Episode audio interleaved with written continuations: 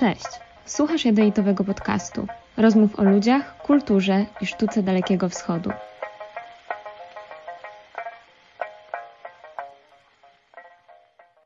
Witam wszystkich bardzo serdecznie w kolejnym odcinku Jadowitowego podcastu. Ja nazywam się Sandra Krawczyszyn, a moją gościnią jest Wiktoria Dubieńska, absolwentka filologii koreańskiej na Uniwersytecie Wrocławskim.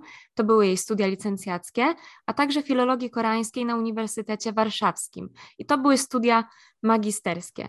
Obecnie Wiktoria jest lektorką języka koreańskiego na Uniwersytecie Warszawskim, jest pasjonatką literatury azjatyckiej, zwłaszcza koreańskiej, do tej pory naukowo zajmująca się językiem i literaturą Korei Północnej.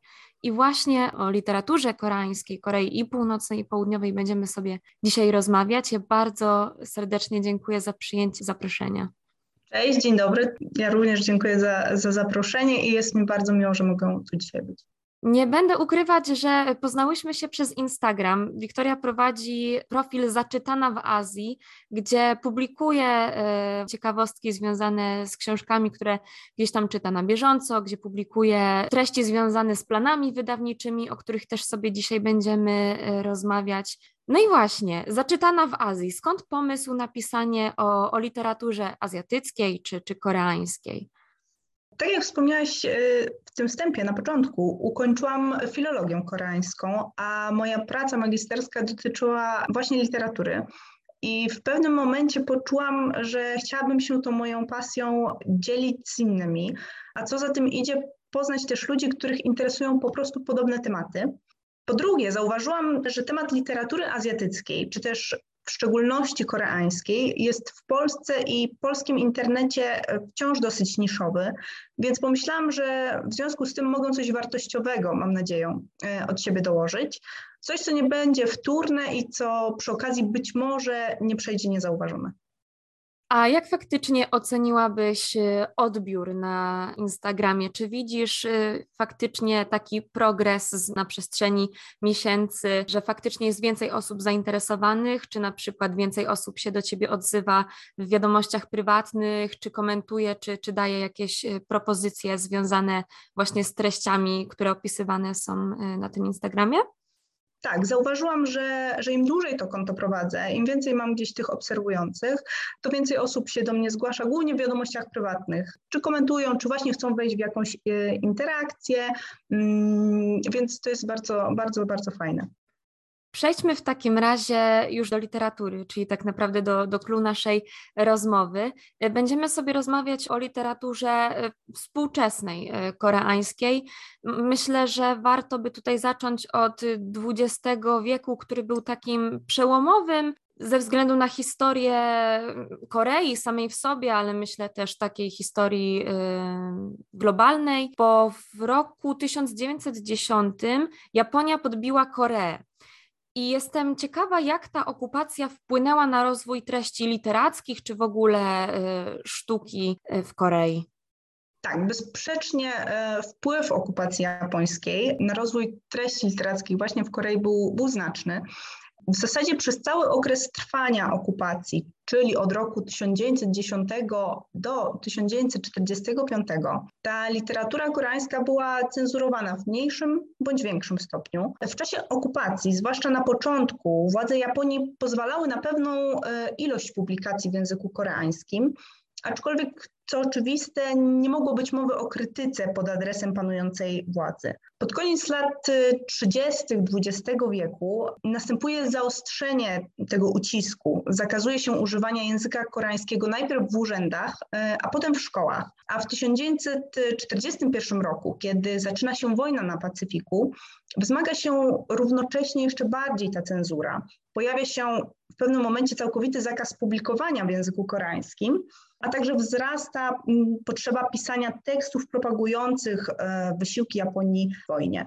Ta aneksja Korei przez e, Japonię sprawia, że wśród Koreańczyków dochodzą do głosu takie nacjonalistyczne tendencje i co naturalne, Koreańczycy zaczynają mieć coraz większą potrzebę chronienia swojej tożsamości narodowej, a co za tym idzie języka i rodzimego alfabetu, czyli Hangula.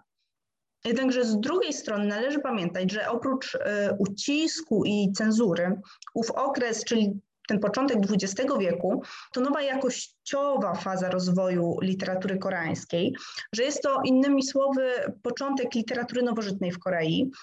Bardzo ważny czas, kiedy ci wyedukowani Koreańczycy zaczynają mieć w końcu kontakt z literaturą światową, a co za tym idzie, przyjmują z zachodu ci koreańscy poeci i prozaicy, e, rozwijające się tam kierunki i prądy literackie, takie jak romantyzm, naturalizm, symbolizm czy modernizm. Zatem z jednej strony literacko ten wiek XX stoi pod znakiem cenzury i ucisku, ale z drugiej trzeba pamiętać, że jest też to czas napływu tych nowych idei i tego wielopłaszczyznowego rozwoju literackiego.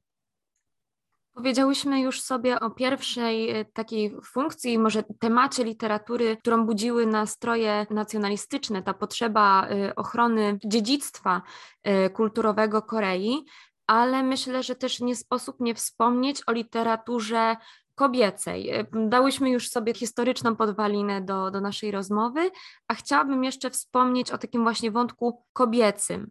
E, literatura kobieca, czyli taka, która mówi o kobietach, ale też taka, która jest pisana przez kobiety. E, mówię o tym, ponieważ Korea, tak jak Chiny, Japonia, rozwijała się w duchu konfucjańskim. Jak konfucjańskie założenia o roli kobiet funkcjonowały w świecie koreańskim, jak wpływały, czy wpływają nawet dziś na obraz literatury w Korei? Czy te wpływy są widoczne, czy może widać już takie odstępstwa, jakieś właśnie wzorowanie się e, Zachodem, e, ruchami feministycznymi? Jak wygląda to w Korei? Myślę, że mm, te konfucjańskie założenia, o których wspomniałaś, mm, odnośnie roli kobiet i ich funkcjonowania w świecie czy w literaturze, ciągle wybrzmiewają, ale już coraz, coraz takim cichszym, powiedzmy, echem. W przeszłości kobiety właśnie z uwagi na, na konfucjanizm były przez długi czas wykluczone z życia publicznego. Uznawano, że kobiety są przeznaczone do przebywania w tej sferze domowej, tak zwanej wewnętrznej, w przeciwieństwie oczywiście do mężczyzn, którzy zajmowali tę strefę publiczną, zewnętrzną. I nawet jeśli kobiety mm, były wykształcone, to możliwości wyrażania swoich myśli na papierze miały stosunkowo niewielkie, właśnie przez wzgląd na te normy społeczne ówcześnie panujące. Jednakże, gdy już pisały, czy to poezję, czy jakieś swoje przemyślenia na temat życia domowego, to mogły to przekazywać w zasadzie jedynie innym kobietom, w tak zwanym obiegu zamkniętym. Jednakże koniec XIX wieku i początek XX wieku e, to początek reform i takiej modernizacji porządku społecznego, do tej pory opartego właśnie na konfucjanizmie. Pojawia się postać bardzo ważna, taka figura tak zwanej nowej kobiety, Siniosong, czyli osoby przede wszystkim wykształconej, niezależnej, wyzwolonej, Kobiety, która nie boi się zerwać e, z tymi wszystkimi dotychczasowymi konfucjańskimi założeniami na temat właśnie na temat roli kobiet. I tutaj następuje taki ewidentny przełom również na, na polu literatury i pojawiają się pierwsze tak zwane zawodowe, profesjonalne pisarki koreańskie, czyli Nahie Sok, Kim Yong-sun, Kim Won-ju. To są takie trzy, trzy najważniejsze. I obecnie, jeśli chodzi o współczesną scenę e, literacką w Korei, to liczba pisarek myślę, że nie ustępuje liczbie pisarzy. Kobiety zdobywają liczne prestiżowe nagrody literackie, ich książki stają się bestsellerami na całym świecie. Mm, a co najważniejsze, nie boją się głośno mówić o problemach, które, które ich dotyczą i które też targają koreańskim, e, patriarchalnym jednak wciąż mocno społeczeństwie. E, więc myślę, że, że wszystko, wszystko idzie w dobrym kierunku. Jakie jeszcze inne tematy możemy wyodrębnić, które porusza współczesna literatura koreańska? Chodzi mi o literaturę w pośredni lub bezpośredni sposób dotykającą problemów społecznych Korei, bo taki, tak jest też generalne założenie podcastu, ale myślę, że taka literatura jest też tą, która bardzo dokładnie oddaje pewne tendencje, nastroje, które rządzą danym krajem, danym narodem. Jasne, zgadzam się jak najbardziej. W literaturze koreańskiej też nie brakuje właśnie odwołań do problemów targających e, tym społeczeństwem. I jednym z takich e, tematów wciąż żywych i ciągle poruszanym e, we współczesnej literaturze koreańskiej jest między innymi ciemna strona tego niezwykle szybkiego rozwoju ekonomicznego Korei, zwanego też jako cud nad rzeką Han. I tutaj chodzi o błyskawiczną industrializację państwa, która pogłębia ten rozłam, tę dychotomię powiedzmy między wsią a miastem. Chodzi tutaj też o pogoń za dobrami materialnymi i szeroko rozumianym sukcesem, który odbija się na więzach międzyludzkich i też na więzach y, rodzinnych. Mamy do czynienia z masową migracją z terenów wiejskich do aglomeracji i też pogłębienie się różnic ekonomicznych pomiędzy poszczególnymi grupami społecznymi. I to wszystko jest, e, jest gdzieś tam opisywane na kartach literatury i do tej pory właśnie jest jednym z motywów obecnych w literaturze koreańskiej. Następnym takim tematem, poruszanym właśnie e, w literaturze z Półwyspu, jest taki głęboko patriarchalny charakter społeczeństwa koreańskiego i taka potrzeba zmiany tego skostniałego charakteru społeczeństwa jest motywem, który właśnie odnajduje znajduje odzwierciedlenie w literaturze, głównie pisanej przez, przez kobiety. Coraz wyraźniej ten głos kobiet słychać, y, tak jak wspomniałam wcześniej, w literaturze koreańskiej. Nie ba, kobiety nie boją się pokazywania dyskryminacji, która je spotyka. To jest ten kolejny, kolejny duży, duży motyw, który w tej literaturze współczesnej koreańskiej się przewija. No i takim myślę ostatnim, o którym warto wspomnieć tutaj, są liczne wciąż odniesienia do tej burzliwej drogi kraju w kierunku demokratyzacji. Stąd też często możemy spotkać nawiązania do militarnej dyktatury sprzed kilkudziesięciu lat, e, do masakry w Gwangju w 1980 roku, a także do wojny koreańskiej czy podziału Półwyspu na północ i południe. Nie ukrywajmy, że rozmowa ta opiera się głównie na dorobku literatury południowo-koreańskiej, ponieważ do niej dostęp jest łatwiejszy, więcej jest opracowań, czy to naukowych, czy właśnie takich hobbystycznych, nawiązując jeszcze do, do tego profilu instagramowego, ponieważ mam nadzieję, że nie jesteś jedyna i że są też inne osoby, które pasjonują się literaturą, nie tylko azjatycką, nie tylko koreańską, ale też y, literaturą innych regionów ale wracając, y, czy jesteś w stanie powiedzieć coś o literaturze Korei Północnej? Bo wiem, że też taką się zajmujesz. I czy literatura tworzona na północy jest w ogóle dostępna na świecie? W jaki sposób można się do niej, że tak powiem, potocznie dostać? Czy, czy to jest literatura dostępna dla każdego, czy raczej tylko dla osób, które zajmują się literaturą zawodowo?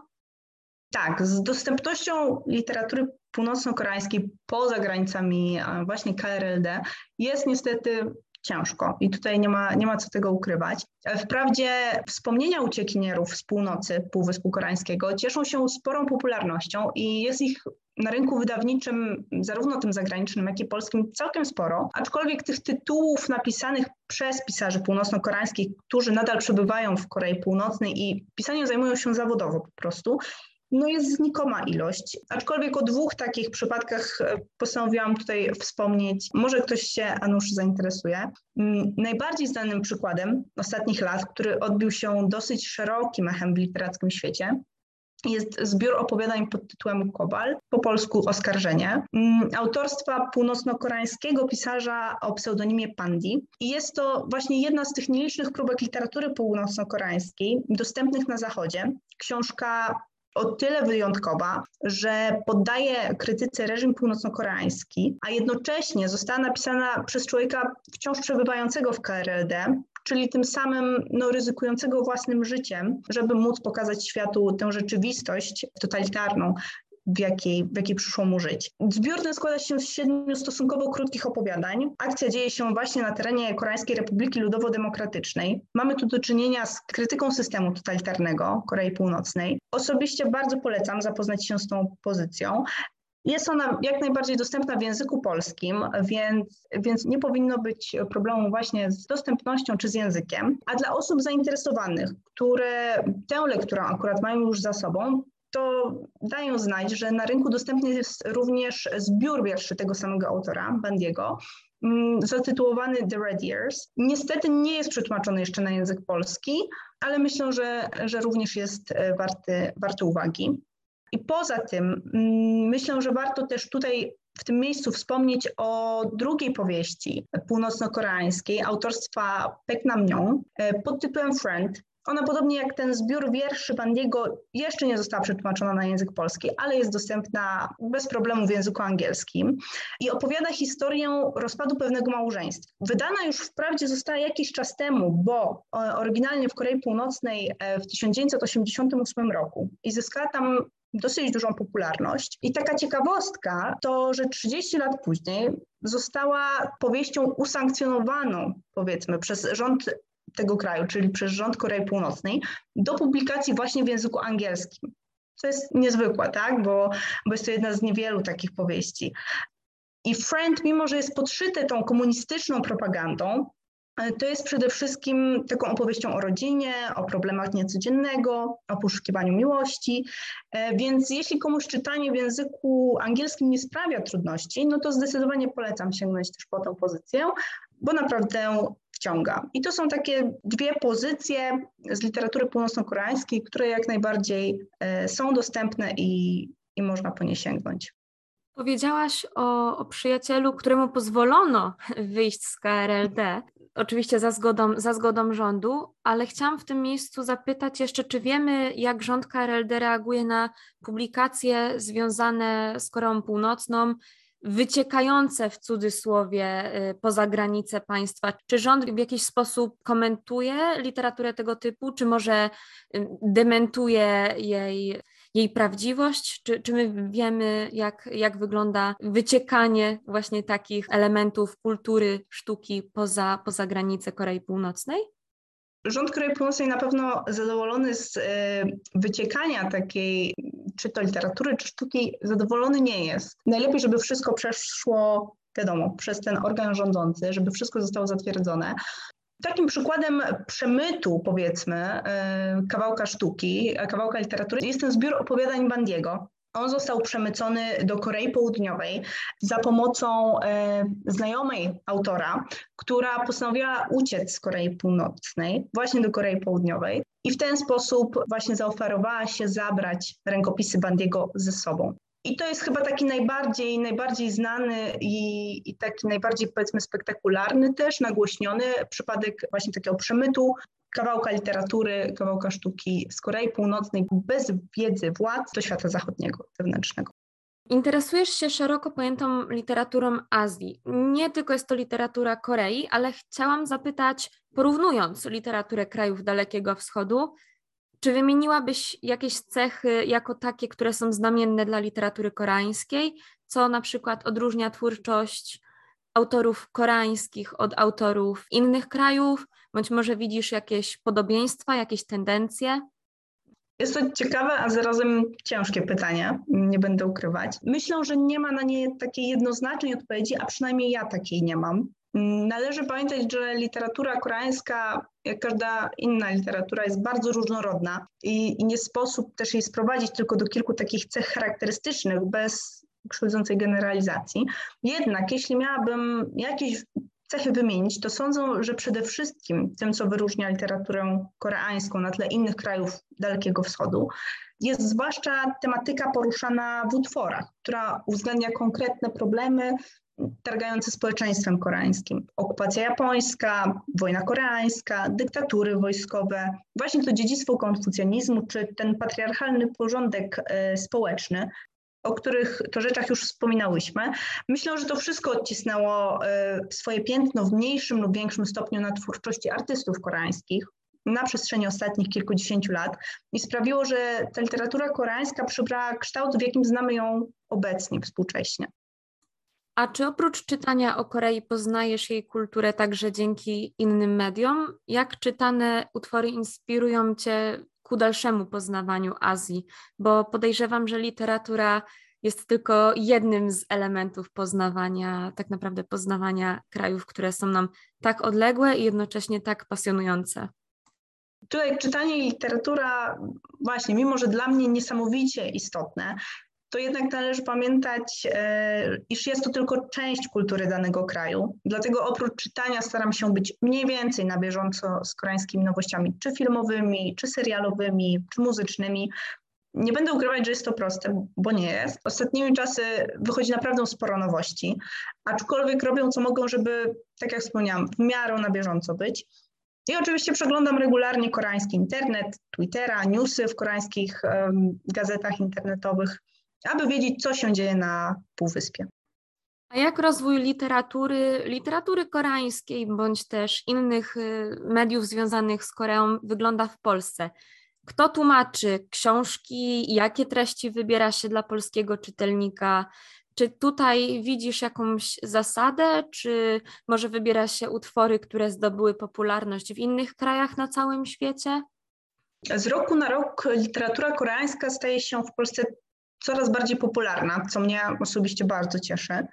I w ciągu ostatnich kilku lat można ogólnie zaobserwować znaczny wzrost zainteresowania kulturą Korei Południowej. Na fali zainteresowania właśnie czy to koreańskimi serialami, tak zwanymi dramami, czy koreańską muzyką, czyli K-popem, mam wrażenie, że teraz wreszcie przyszła pora na, na tę koreańską literaturę. Co widać na przykład po zeszłorocznych ofertach wydawniczych. Coraz więcej polskich wydawnictw e, decyduje się wydawać powieści napisane przez koreańskich autorów. Na ten moment, jeśli chodzi o gatunki literackie, moim zdaniem dominuje głównie literatura piękna, ale pojawiają się też coraz częściej mm, powieści dla młodzieży, ale też i takie przeznaczone e, dla dzieci typowo. I odnoszę wrażenie, że treści, które są wybierane dla polskiego czytelnika, to raczej utwory popularne na całym świecie lub takie, które są zdobywcami prestiżowych nagród literackich, bądź po prostu odniosły sukces i odbiły się takim szerszym echem e, w kraju pochodzenia. Jeśli chodzi natomiast o tłumaczenie literatury koreańskiej w Polsce, to ze względów zawodowych jest to dla mnie bardzo istotna kwestia. I na szczęście z tego, co zauważyłam, coraz większą uwagę wydawnictwa zwracają na przykład bezpośrednio z języka koreańskiego na język polski, bez tak zwanych zbędnych pośredników w postaci na przykład języka angielskiego. A co za tym idzie, właśnie ta większość pozycji z literatury koreańskiej wydanej w minionym roku była przetłumaczona z tego co zauważyłam, głównie przez koreanistów, czyli osoby znające bardzo dobrze język, które są w stanie oddać e, charakter tego oryginału w przekładzie na język polski. A czy jest jakaś książka, którą chciałabyś, żeby została przetłumaczona na język polski, czy ewentualnie możesz zdradzić, e, czy jest jakaś książka już w zapowiedziach bądź e, w planach naszych tutaj polskich, lokalnych wydawnictw?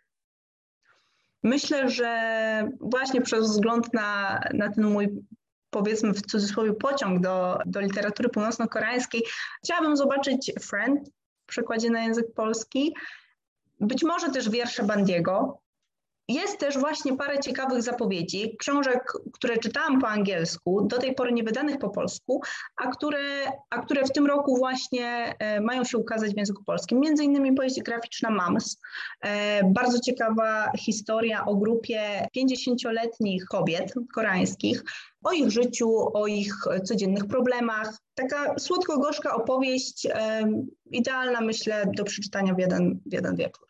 Zaczynamy sobie mówić o tytułach, y, dlatego chciałam zapytać o wydawnictwa. Gdzie w Polsce możemy szukać literatury koreańskiej? Gdzie możemy ją dostać? Czy masz jakieś swoje ulubione miejsca? Czy może jest to rynek na ten moment tak niszowy, że tak naprawdę każde wydawnictwo jest sfokusowane na inny typ literatury? Jasne, że mam swoje ulubione, ulubione miejsca. W Polsce na szczęście istnieje już, e, już parę takich, takich e, wydawnictw, które skupiają się na literaturze azjatyckiej e, i gdzie właśnie można się udać, aby zakupić coś interesującego nas w tym temacie. Ja tutaj wspomnę o, o czterech. Na początek o wydawnictwie Kwiaty Orientu, które działa już od ładnych paru lat i w swojej ofercie ma właśnie literaturę głównie z Półwyspu Koreańskiego, aczkolwiek nie tylko, bo wydaje również literaturę z Chin, Japonii czy Tajwanu. Mm, polecam zajrzeć na stronę, na stronę e, internetową, bo mają bardzo ciekawe zapowiedzi wydawnicze na ten rok. Kolejnym cenionym przeze mnie wydawnictwem są Tajfuny. Sami jeszcze żadnego tytułu koreańskiego wprawdzie nie wydali, aczkolwiek mają bardzo szeroką ofertę literatury koreańskiej i azjatyckiej w ogóle w językach czy to polskim, czy angielskim, czy nawet w oryginale, dostępną właśnie u nich w księgarni. Mm, więc jest to miejsce, którego nie sposób tutaj pominąć, jeśli ktoś interesuje się literaturą azjatycką. Dodatkowo myślę, że warto też wspomnieć o wydawnictwie Dialog, gdzie znajdziemy zarówno literaturę koreańską, jak i azjatycką. Wprawdzie w porównaniu do dwóch poprzednich wydawnictw, w ofercie tutaj przeważają głównie starsze tytuły i takie o charakterze bardziej akademickim, ale myślę, że równie ciekawe i jak najbardziej warte uwagi. I na koniec taka świeżynka, jeśli chodzi o wydawnictwa zajmujące się literaturą azjatycką. Wydawnictwo Jumeka. Premiera ich pierwszej książki będzie miała miejsce w styczniu 2022 roku, więc, więc już, już zaraz. Ze swojej strony mogłabym y, dorzucić jeszcze wydawnictwo Kirin. Co prawda jest to wydawnictwo zajmujące się przede wszystkim y, literaturą japońską, ale też y, wydaje mi się, że przy okazji licencjatu trafiłam właśnie na jedną książkę związaną z wizualizacją wizerunku kobiety właśnie w społeczeństwie japońskim. I planuję też y, tutaj spotkania z osobami, które wydawały też właśnie książki y, w Kirinie, więc myślę, że jest to też y, księgarnia, bo jest to też oczywiście księgarnia internetowa, warta polecenia. I na koniec chciałam jeszcze poprosić, czy mogłabyś wymienić kilku autorów bądź tytuły, które polecasz czytelnikom rozpoczynającym przygodę z literaturą Korei, ale może też takim, którzy już co nieco o tej literaturze wiedzą? Pewnie. E, na początek myślę, że zacznę od takich zeszłorocznych nowości wydawniczych, które mm, wnioskując po recenzjach, e, sądzę, że mają szansę przypaść do gustu całkiem sporej grupie czytelników. I mam tutaj na przykład na myśli e, powieść pod tytułem Kim Ji-young, urodzona w 1982 roku, to jest pełny tytuł polski, która odbiła się głośnym echem w Korei Południowej i wywołała taką międzynarodową debatę na temat praw kobiet na całym świecie. Jest to książka, która opowiada o realiach życia w Korei Południowej właśnie z perspektywy kobiety i o dyskryminacji, której pada ofiarą na każdym, na każdym kroku.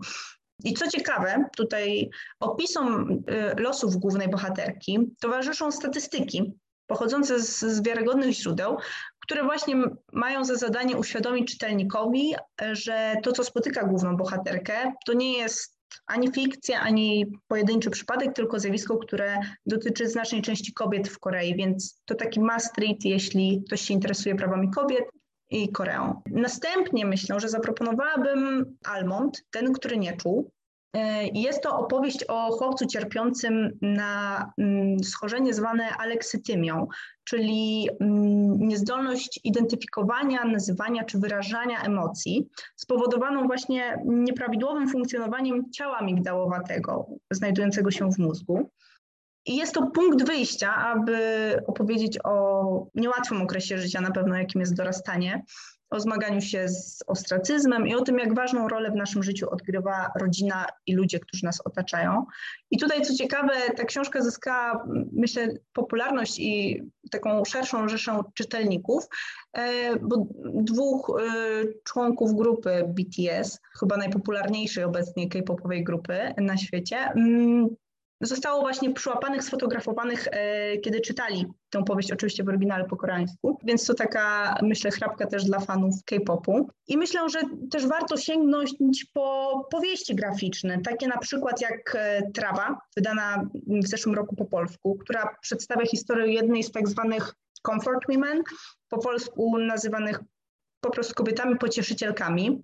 I tą eufeministyczną nazwą określa się niewolnice seksualne, które były na usługach armii japońskiej podczas II wojny światowej. Jest to na pewno jeden z mroczniejszych i takich bardziej przemilczanych aspektów II wojny światowej.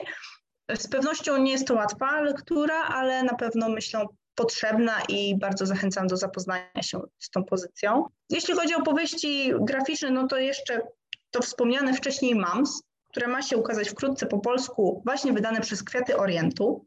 I tak na koniec myślę, że polecam się też zapoznać z twórczością z jednej moich, z moich ulubionych i chyba obecnie takich najbardziej rozpoznawanych południowo-koreańskich pisarek, czyli Han Kang. I zwłaszcza mam tutaj na myśli znakomitą wegetariankę, aczkolwiek wiem, że, że jest dosyć kontrowersyjna pozycja, ale również na przykład powieść pod tytułem Nadchodzi chłopiec o masakrze w Guangzhou w 1980 roku. I jeśli ktoś już czytał obydwie te książki, te powieści i ma ochotę na więcej, to już pod koniec stycznia premierę ma trzecia książka tej autorki, zatytułowana mm, Biała Elegia. I jest ona o tyle interesująca dla polskiego czytelnika, że Hanka napisała ją w większości podczas swojego pobytu zimą w Warszawie, więc ten wątek polski tutaj może wiele osób zachęcić do sięgnięcia. I myślę, że to takie parę takich na ten moment mm, najważniejszych i takich najciekawszych pozycji. Tak, mam nadzieję, że zainspirowałyśmy tą rozmową osoby do sięgnięcia po literaturę koreańską, bądź też y, zainspirowałyśmy do zajrzenia na Twój profil, śledzenia na bieżąco, bo, y, bo sama, sama jestem ciekawa właśnie też takiego insiderskiego, że tak powiem, komentarza, jeśli chodzi o, o literaturę Korei. Ja bardzo serdecznie dziękuję za tę rozmowę jeszcze raz i mam nadzieję do, do usłyszenia w przyszłości. Ja również bardzo dziękuję i, i tak jak powiedziałaś, do usłyszenia na pewno.